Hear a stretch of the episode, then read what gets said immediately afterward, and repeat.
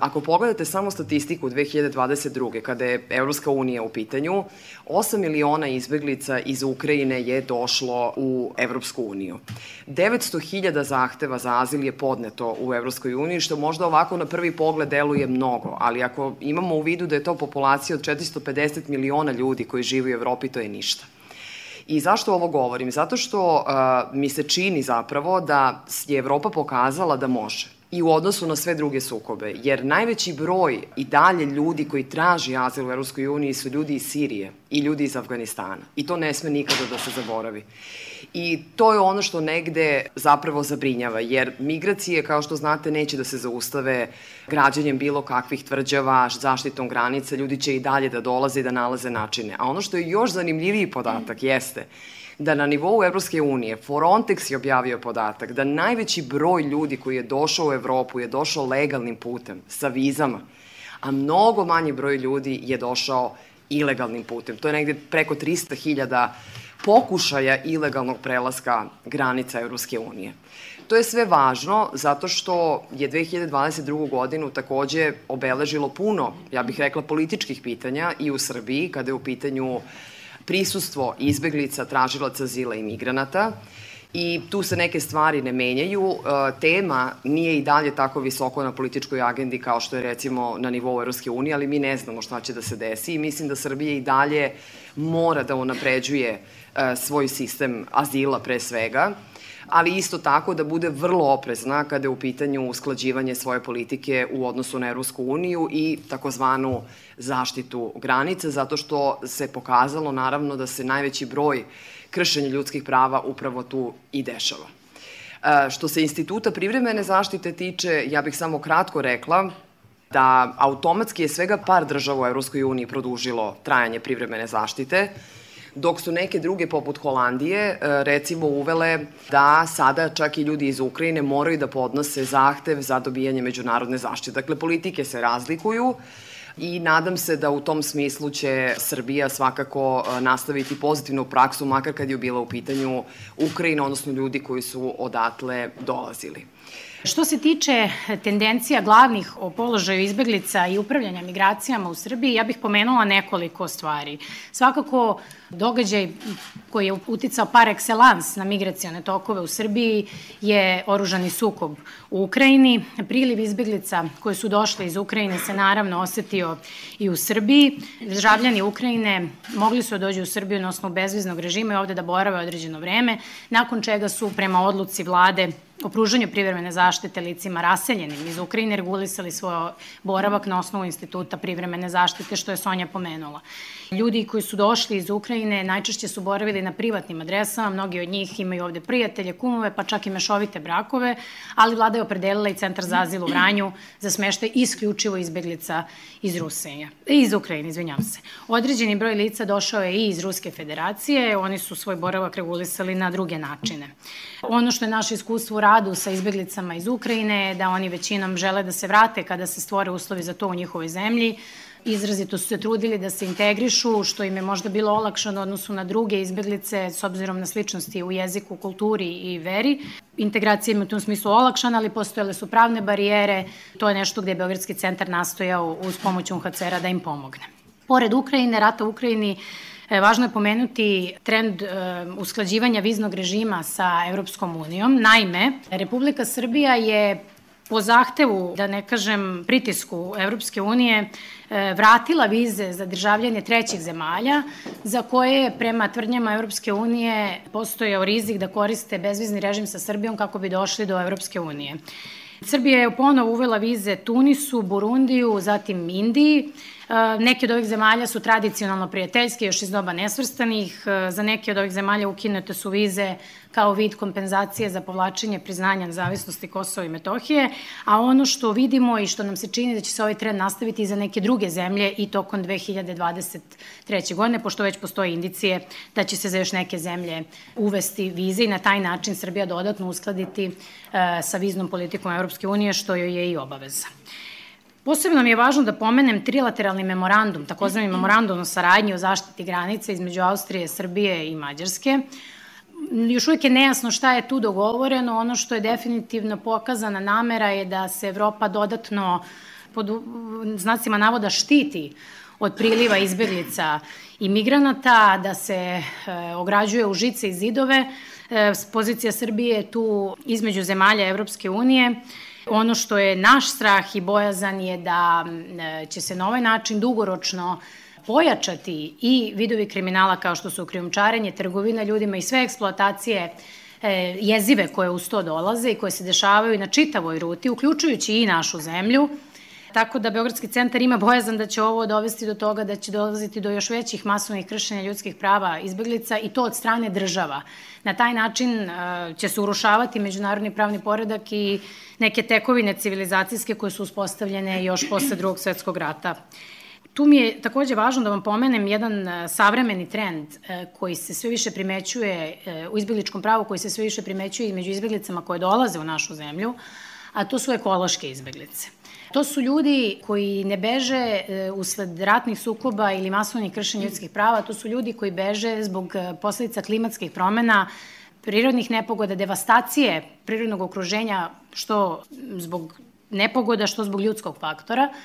To će se, nažalost, možda desiti i u našoj zemlji to preti dolini Jadra ukoliko se ne spreče dalja istraživanja i iskopavanja litijuma i važno mi da to pomenem jer kad god, kad god se možda otuđimo od teme izbjeglištva i počnemo da posmatramo da to pogađa nekog tamo, treba da se setimo i sobstvene istorije i onoga što nas možda čeka u budućnosti i samim tim da ponovo pobudimo solidarnost koja se možda u nekom trenutku i umori.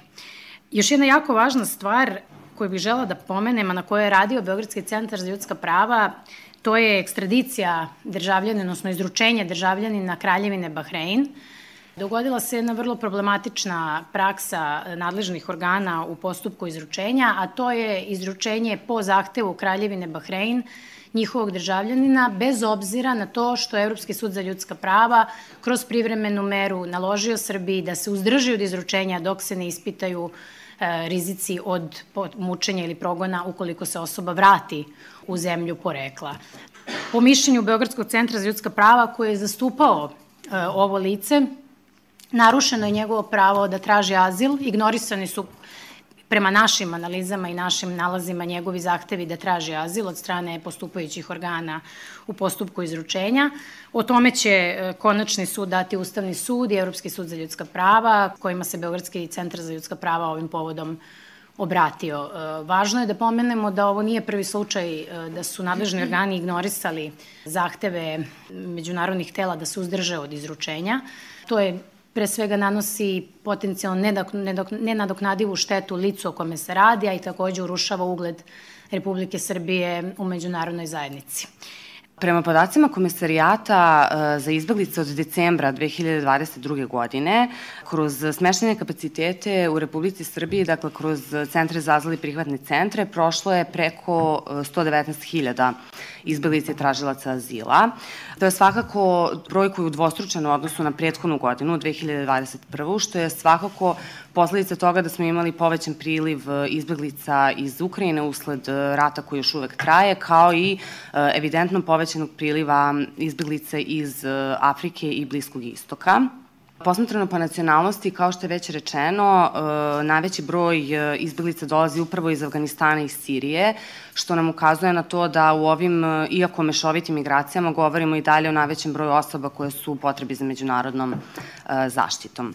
U samim e, centrima za azil i prihvatnim centrima, posmetrano po mesecima, stanje je bilo relativno stabilno i broj smešnih se kretao negde između 4 do 5 hiljada do 7-8 hiljada, a e, što se tiče izbilice iz Ukrajine, kao što je Anja već pomenula, one su bile smeštene u centru za azil u Vranju.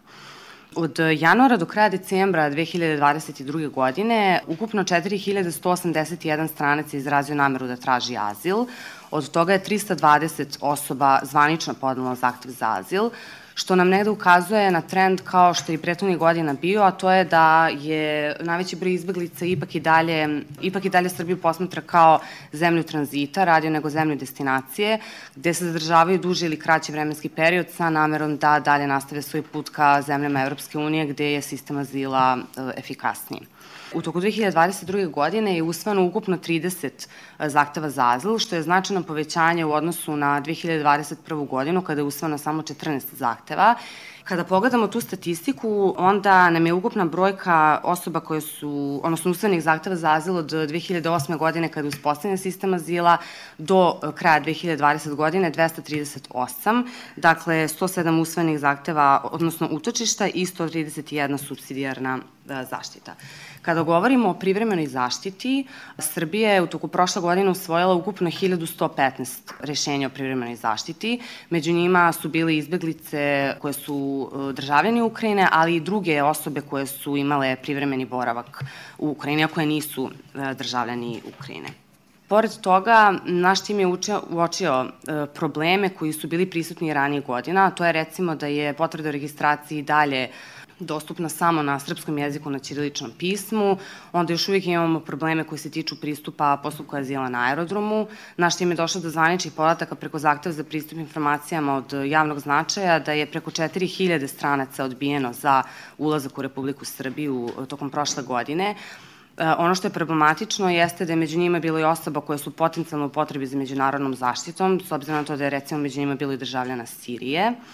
Kapacitet rada Kancelarije za, azil je bio značajno smanjen tokom prošle godine, imajući u vidu da je dobrim delom godine samo četiri službenika postupalo, ali opet ono što je pozitivno jeste da je do, veliki broj odluka donet. Kancelarija za azil je prepoznavala zaštitu, odnosno progon kod tražilaca azila koji su bili žrtve seksualnog ili rodno zasnovanog nasilja, dece bez pratnje, takođe i osoba sa invaliditetom. Međutim, pojedini nedostaci u radu Kancelarije za azil su takođe prisutni na koje naš tim ranije takođe ukazivao, a to je i dalje selektivno odlučivanje u pojedinim predmetima, odnosno selektivno, dono, selektivno razmatranje dokaza koji se dostavljaju u toku postupka i takođe prag e, dokazivanja je vrlo široko, vrlo usko postavljen i visoko postavljen od strane Kancelarije za azil kao što je ranije bio slučaj, tako da se negde stiče utisak da je e, međunarodna zaštita rezervisana samo za one evidentno najugroženije tražioce azila.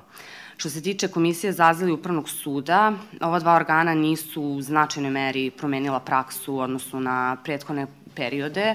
Komisija za azil uglavnom odbija žalbe na prvostepena rešenja, a kada i odlučuje e, i usvaja žalbe, ona najčešće ne odlučuje u meritumu, već e, vraća predmete prvostepenom organu na ponovno odlučivanje i što se tiče ustavnog, upravnog suda, pardon, takođe uh, imamo problem što u predmetima koji za osam spora imaju azil, upravni sud još uvek nije odlučivo sporu pune jurisdikcije, stranke se ne saslušavaju i takođe postupci pred ovim organom jako dugo traju. Ono što je važno jeste da je tim za integraciju tokom prošlogodišnjeg izveštavanja radio sa preko 220-230 klijenata.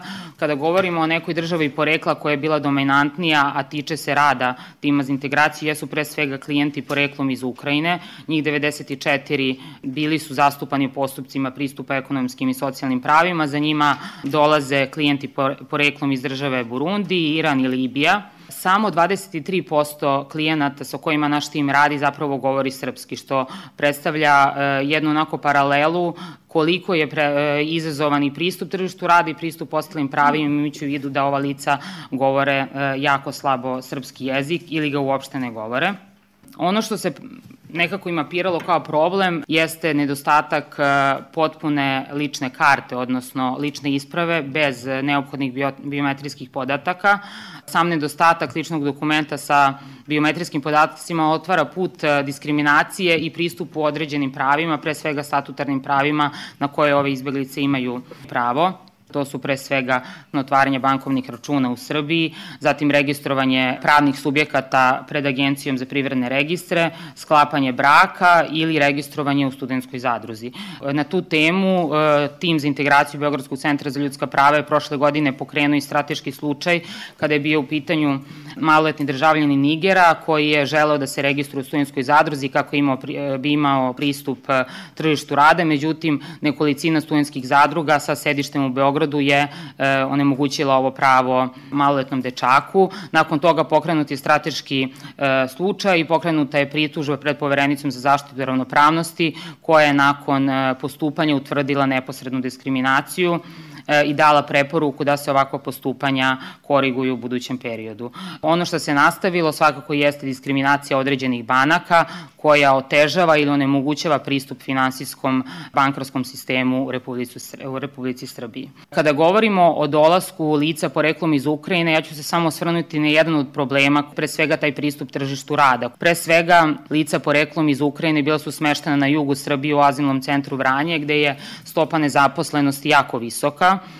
To govori u prilog i praksi koju smo imali sa licima kojima, sa kojima tamo radimo, da je zapravo bilo jako teško pronaći zaposlenje za te žene koje su bile same, koje su bile zavisne zapravo od ostanka u krugu porodice zbog dece koje su školskog uzrasta i zbog nemogućnosti da ih ostave, ostave često sami. Takođe, zatvorenost lokalne zajednice u Vranju je bila jako izražajna u smislu potencijalnih novih poslova, pa čak i u slučajevima kada su žene poreklom iz Ukrajine govorile srpski jezik. Ono što je jako nejasno jeste pre svega nejasna primena pristupa pravu na zdravlje. Ne postoji uniformisana informisanost svih zdravstvenih ustanova od strane i nadležnog komesarijata za izbjeglice i migracije, ali i Ministarstva zdravlja, na koji način ove kategorije, ranjive kategorije imaju pristup zdravstvenoj zaštiti. Ono što je problematika jeste da je zapravo i prema direktivi Evropske unije pristup zdravstvenoj zaštiti potpuno drugačije regulisan i da je neka hitna zdravstvena zaštita, ali i zdravstvena zaštita ranjivih kategorija od starih lica, žrtva rodno zasnovanog nasilja i dece, posebno naglašena kao obavezna, što je u našem slučaju e, izostalo i da se nekako sama zdravstvena zaštita sprovodi u skladu sa zdravstvenom zaštitom stranaca. Piotr Nikitin, predsednik Ruskog demokratskog društva koje predstavlja interese ruske dijaspore u Srbiji, uglavnom onih koji su došli u poslednjih godinu dana. Znamo da se radi o više desetina, verovatno je preko stotina hiljadu ljudi. Mnogi iz njih dolaze upravo zbog represivnosti režima u Rusiji, a u istu kategoriju spadaju građani Belorusije koje se nalaze u, u Srbiji. Pitamo se da li postoji rizik ukidanja bezviznog režima koje puno tih um, ljudi trenutno koriste. Drugo, mnoštvo Rusa koji su u Srbiji su aktivni u antiratnom pokretu i pomoći Ukrajini, što je u Rusiji kažnjivo izuzetno strogo i smatra se kao zločin čak i kad se radi o nazivanju onoga što se deša u Ukrajini ratom, pitanje o riziku izručenja a, ruskih državljana i kako se nositi s tim ako dođu zahtevi iz, iz Rusije da se neko izruči. Da li je istina da je Rusija i Belorusija trenutno, da su Rusija i Belorusija trenutno na spisku sigurnih zemalja u Srbiji, što komplikuje proces azila za državljane te zemlje. Da li ima neke informacije o nekom opštem možda ad hoc rešenju za ovu ogromnu dijasporu koja se stvorila za vrlo kratko vreme, da li se tako nešto rasmatra bilo u, u okviru Centra za ljudskog prava i za ljudska prava ili u okviru država? Sonja bi želela da odgovori na pitanje. Pitanje bezviznog režima koje ste vi otvorili je zaista pitanje spolne politike Srbije. Vi znate da je trenutno ja bih rekla to dosta vruć krompir s obzirom na uh, jednu globalnu sliku i globalnu, da kažem, platformu u kojoj se Srbija nalazi i da je Srbija jedna od redkih zemalja trenutno koja nije uvela sankcije Rusiji, ja znam da vi to znate i ja verujem da dosta od toga zavisi šta će biti, da li će se Rusija, u kom statusu će se uopšte ljudi koji dolaze iz Rusije u tom nekom dugoročnom smislu nalaziti. Mi na to pitanje nemamo nikakav odgovor. Pitanje koje se odnosi na ljude koji jesu deo antiratnih pokreta i koji ovde zapravo imaju tu slobodu, jeli, da izraze svoje, pa čak i političko mišljenje, mislim da oni nisu u toj vrsti opasnosti, ali svakako da, ja razumem vaše pitanje, to može da bude jedan od razloga u slučaju da dođe do potencijalnog traženja da se ta lica vrate, jeli, ako to pitate, to može da bude naravno i osnov za traženje međunarodne zaštite, ali to je sad sve posebna korpa, kako da kažem. S druge strane, izručenje koje ste pitali, Kao što ste čuli, mi smo zastupali mnoge ljude koji su bili u postupku traženja međunarodne zaštite i izručenja zemlji koja traži da se osoba izruči. Mi nemamo iskustva, u tom smislu nismo advokati koji radi, koji se bave zakonom o strancima, jer dosta pitanja koje vi imate se odnose upravo na taj deo i po osnovama koje zakon o strancima predviđa može da se traži izručenje određenog lica, ali ne mislim da ste u opasnosti u smislu masovnog izručenja ljudi iz Rusije. Dakle, dosta stvari koje ste otvorili jesu osetljiva politička pitanja, tako da na, na tom nivou mi nemamo odgovor, jedino što možemo da vam kažemo jeste da ukoliko bilo ko ima potrebu da traži međunarodnu zaštitu i da se savetuje, vrata Beogradskog centra za ljudska prava su mu apsolutno otvorena.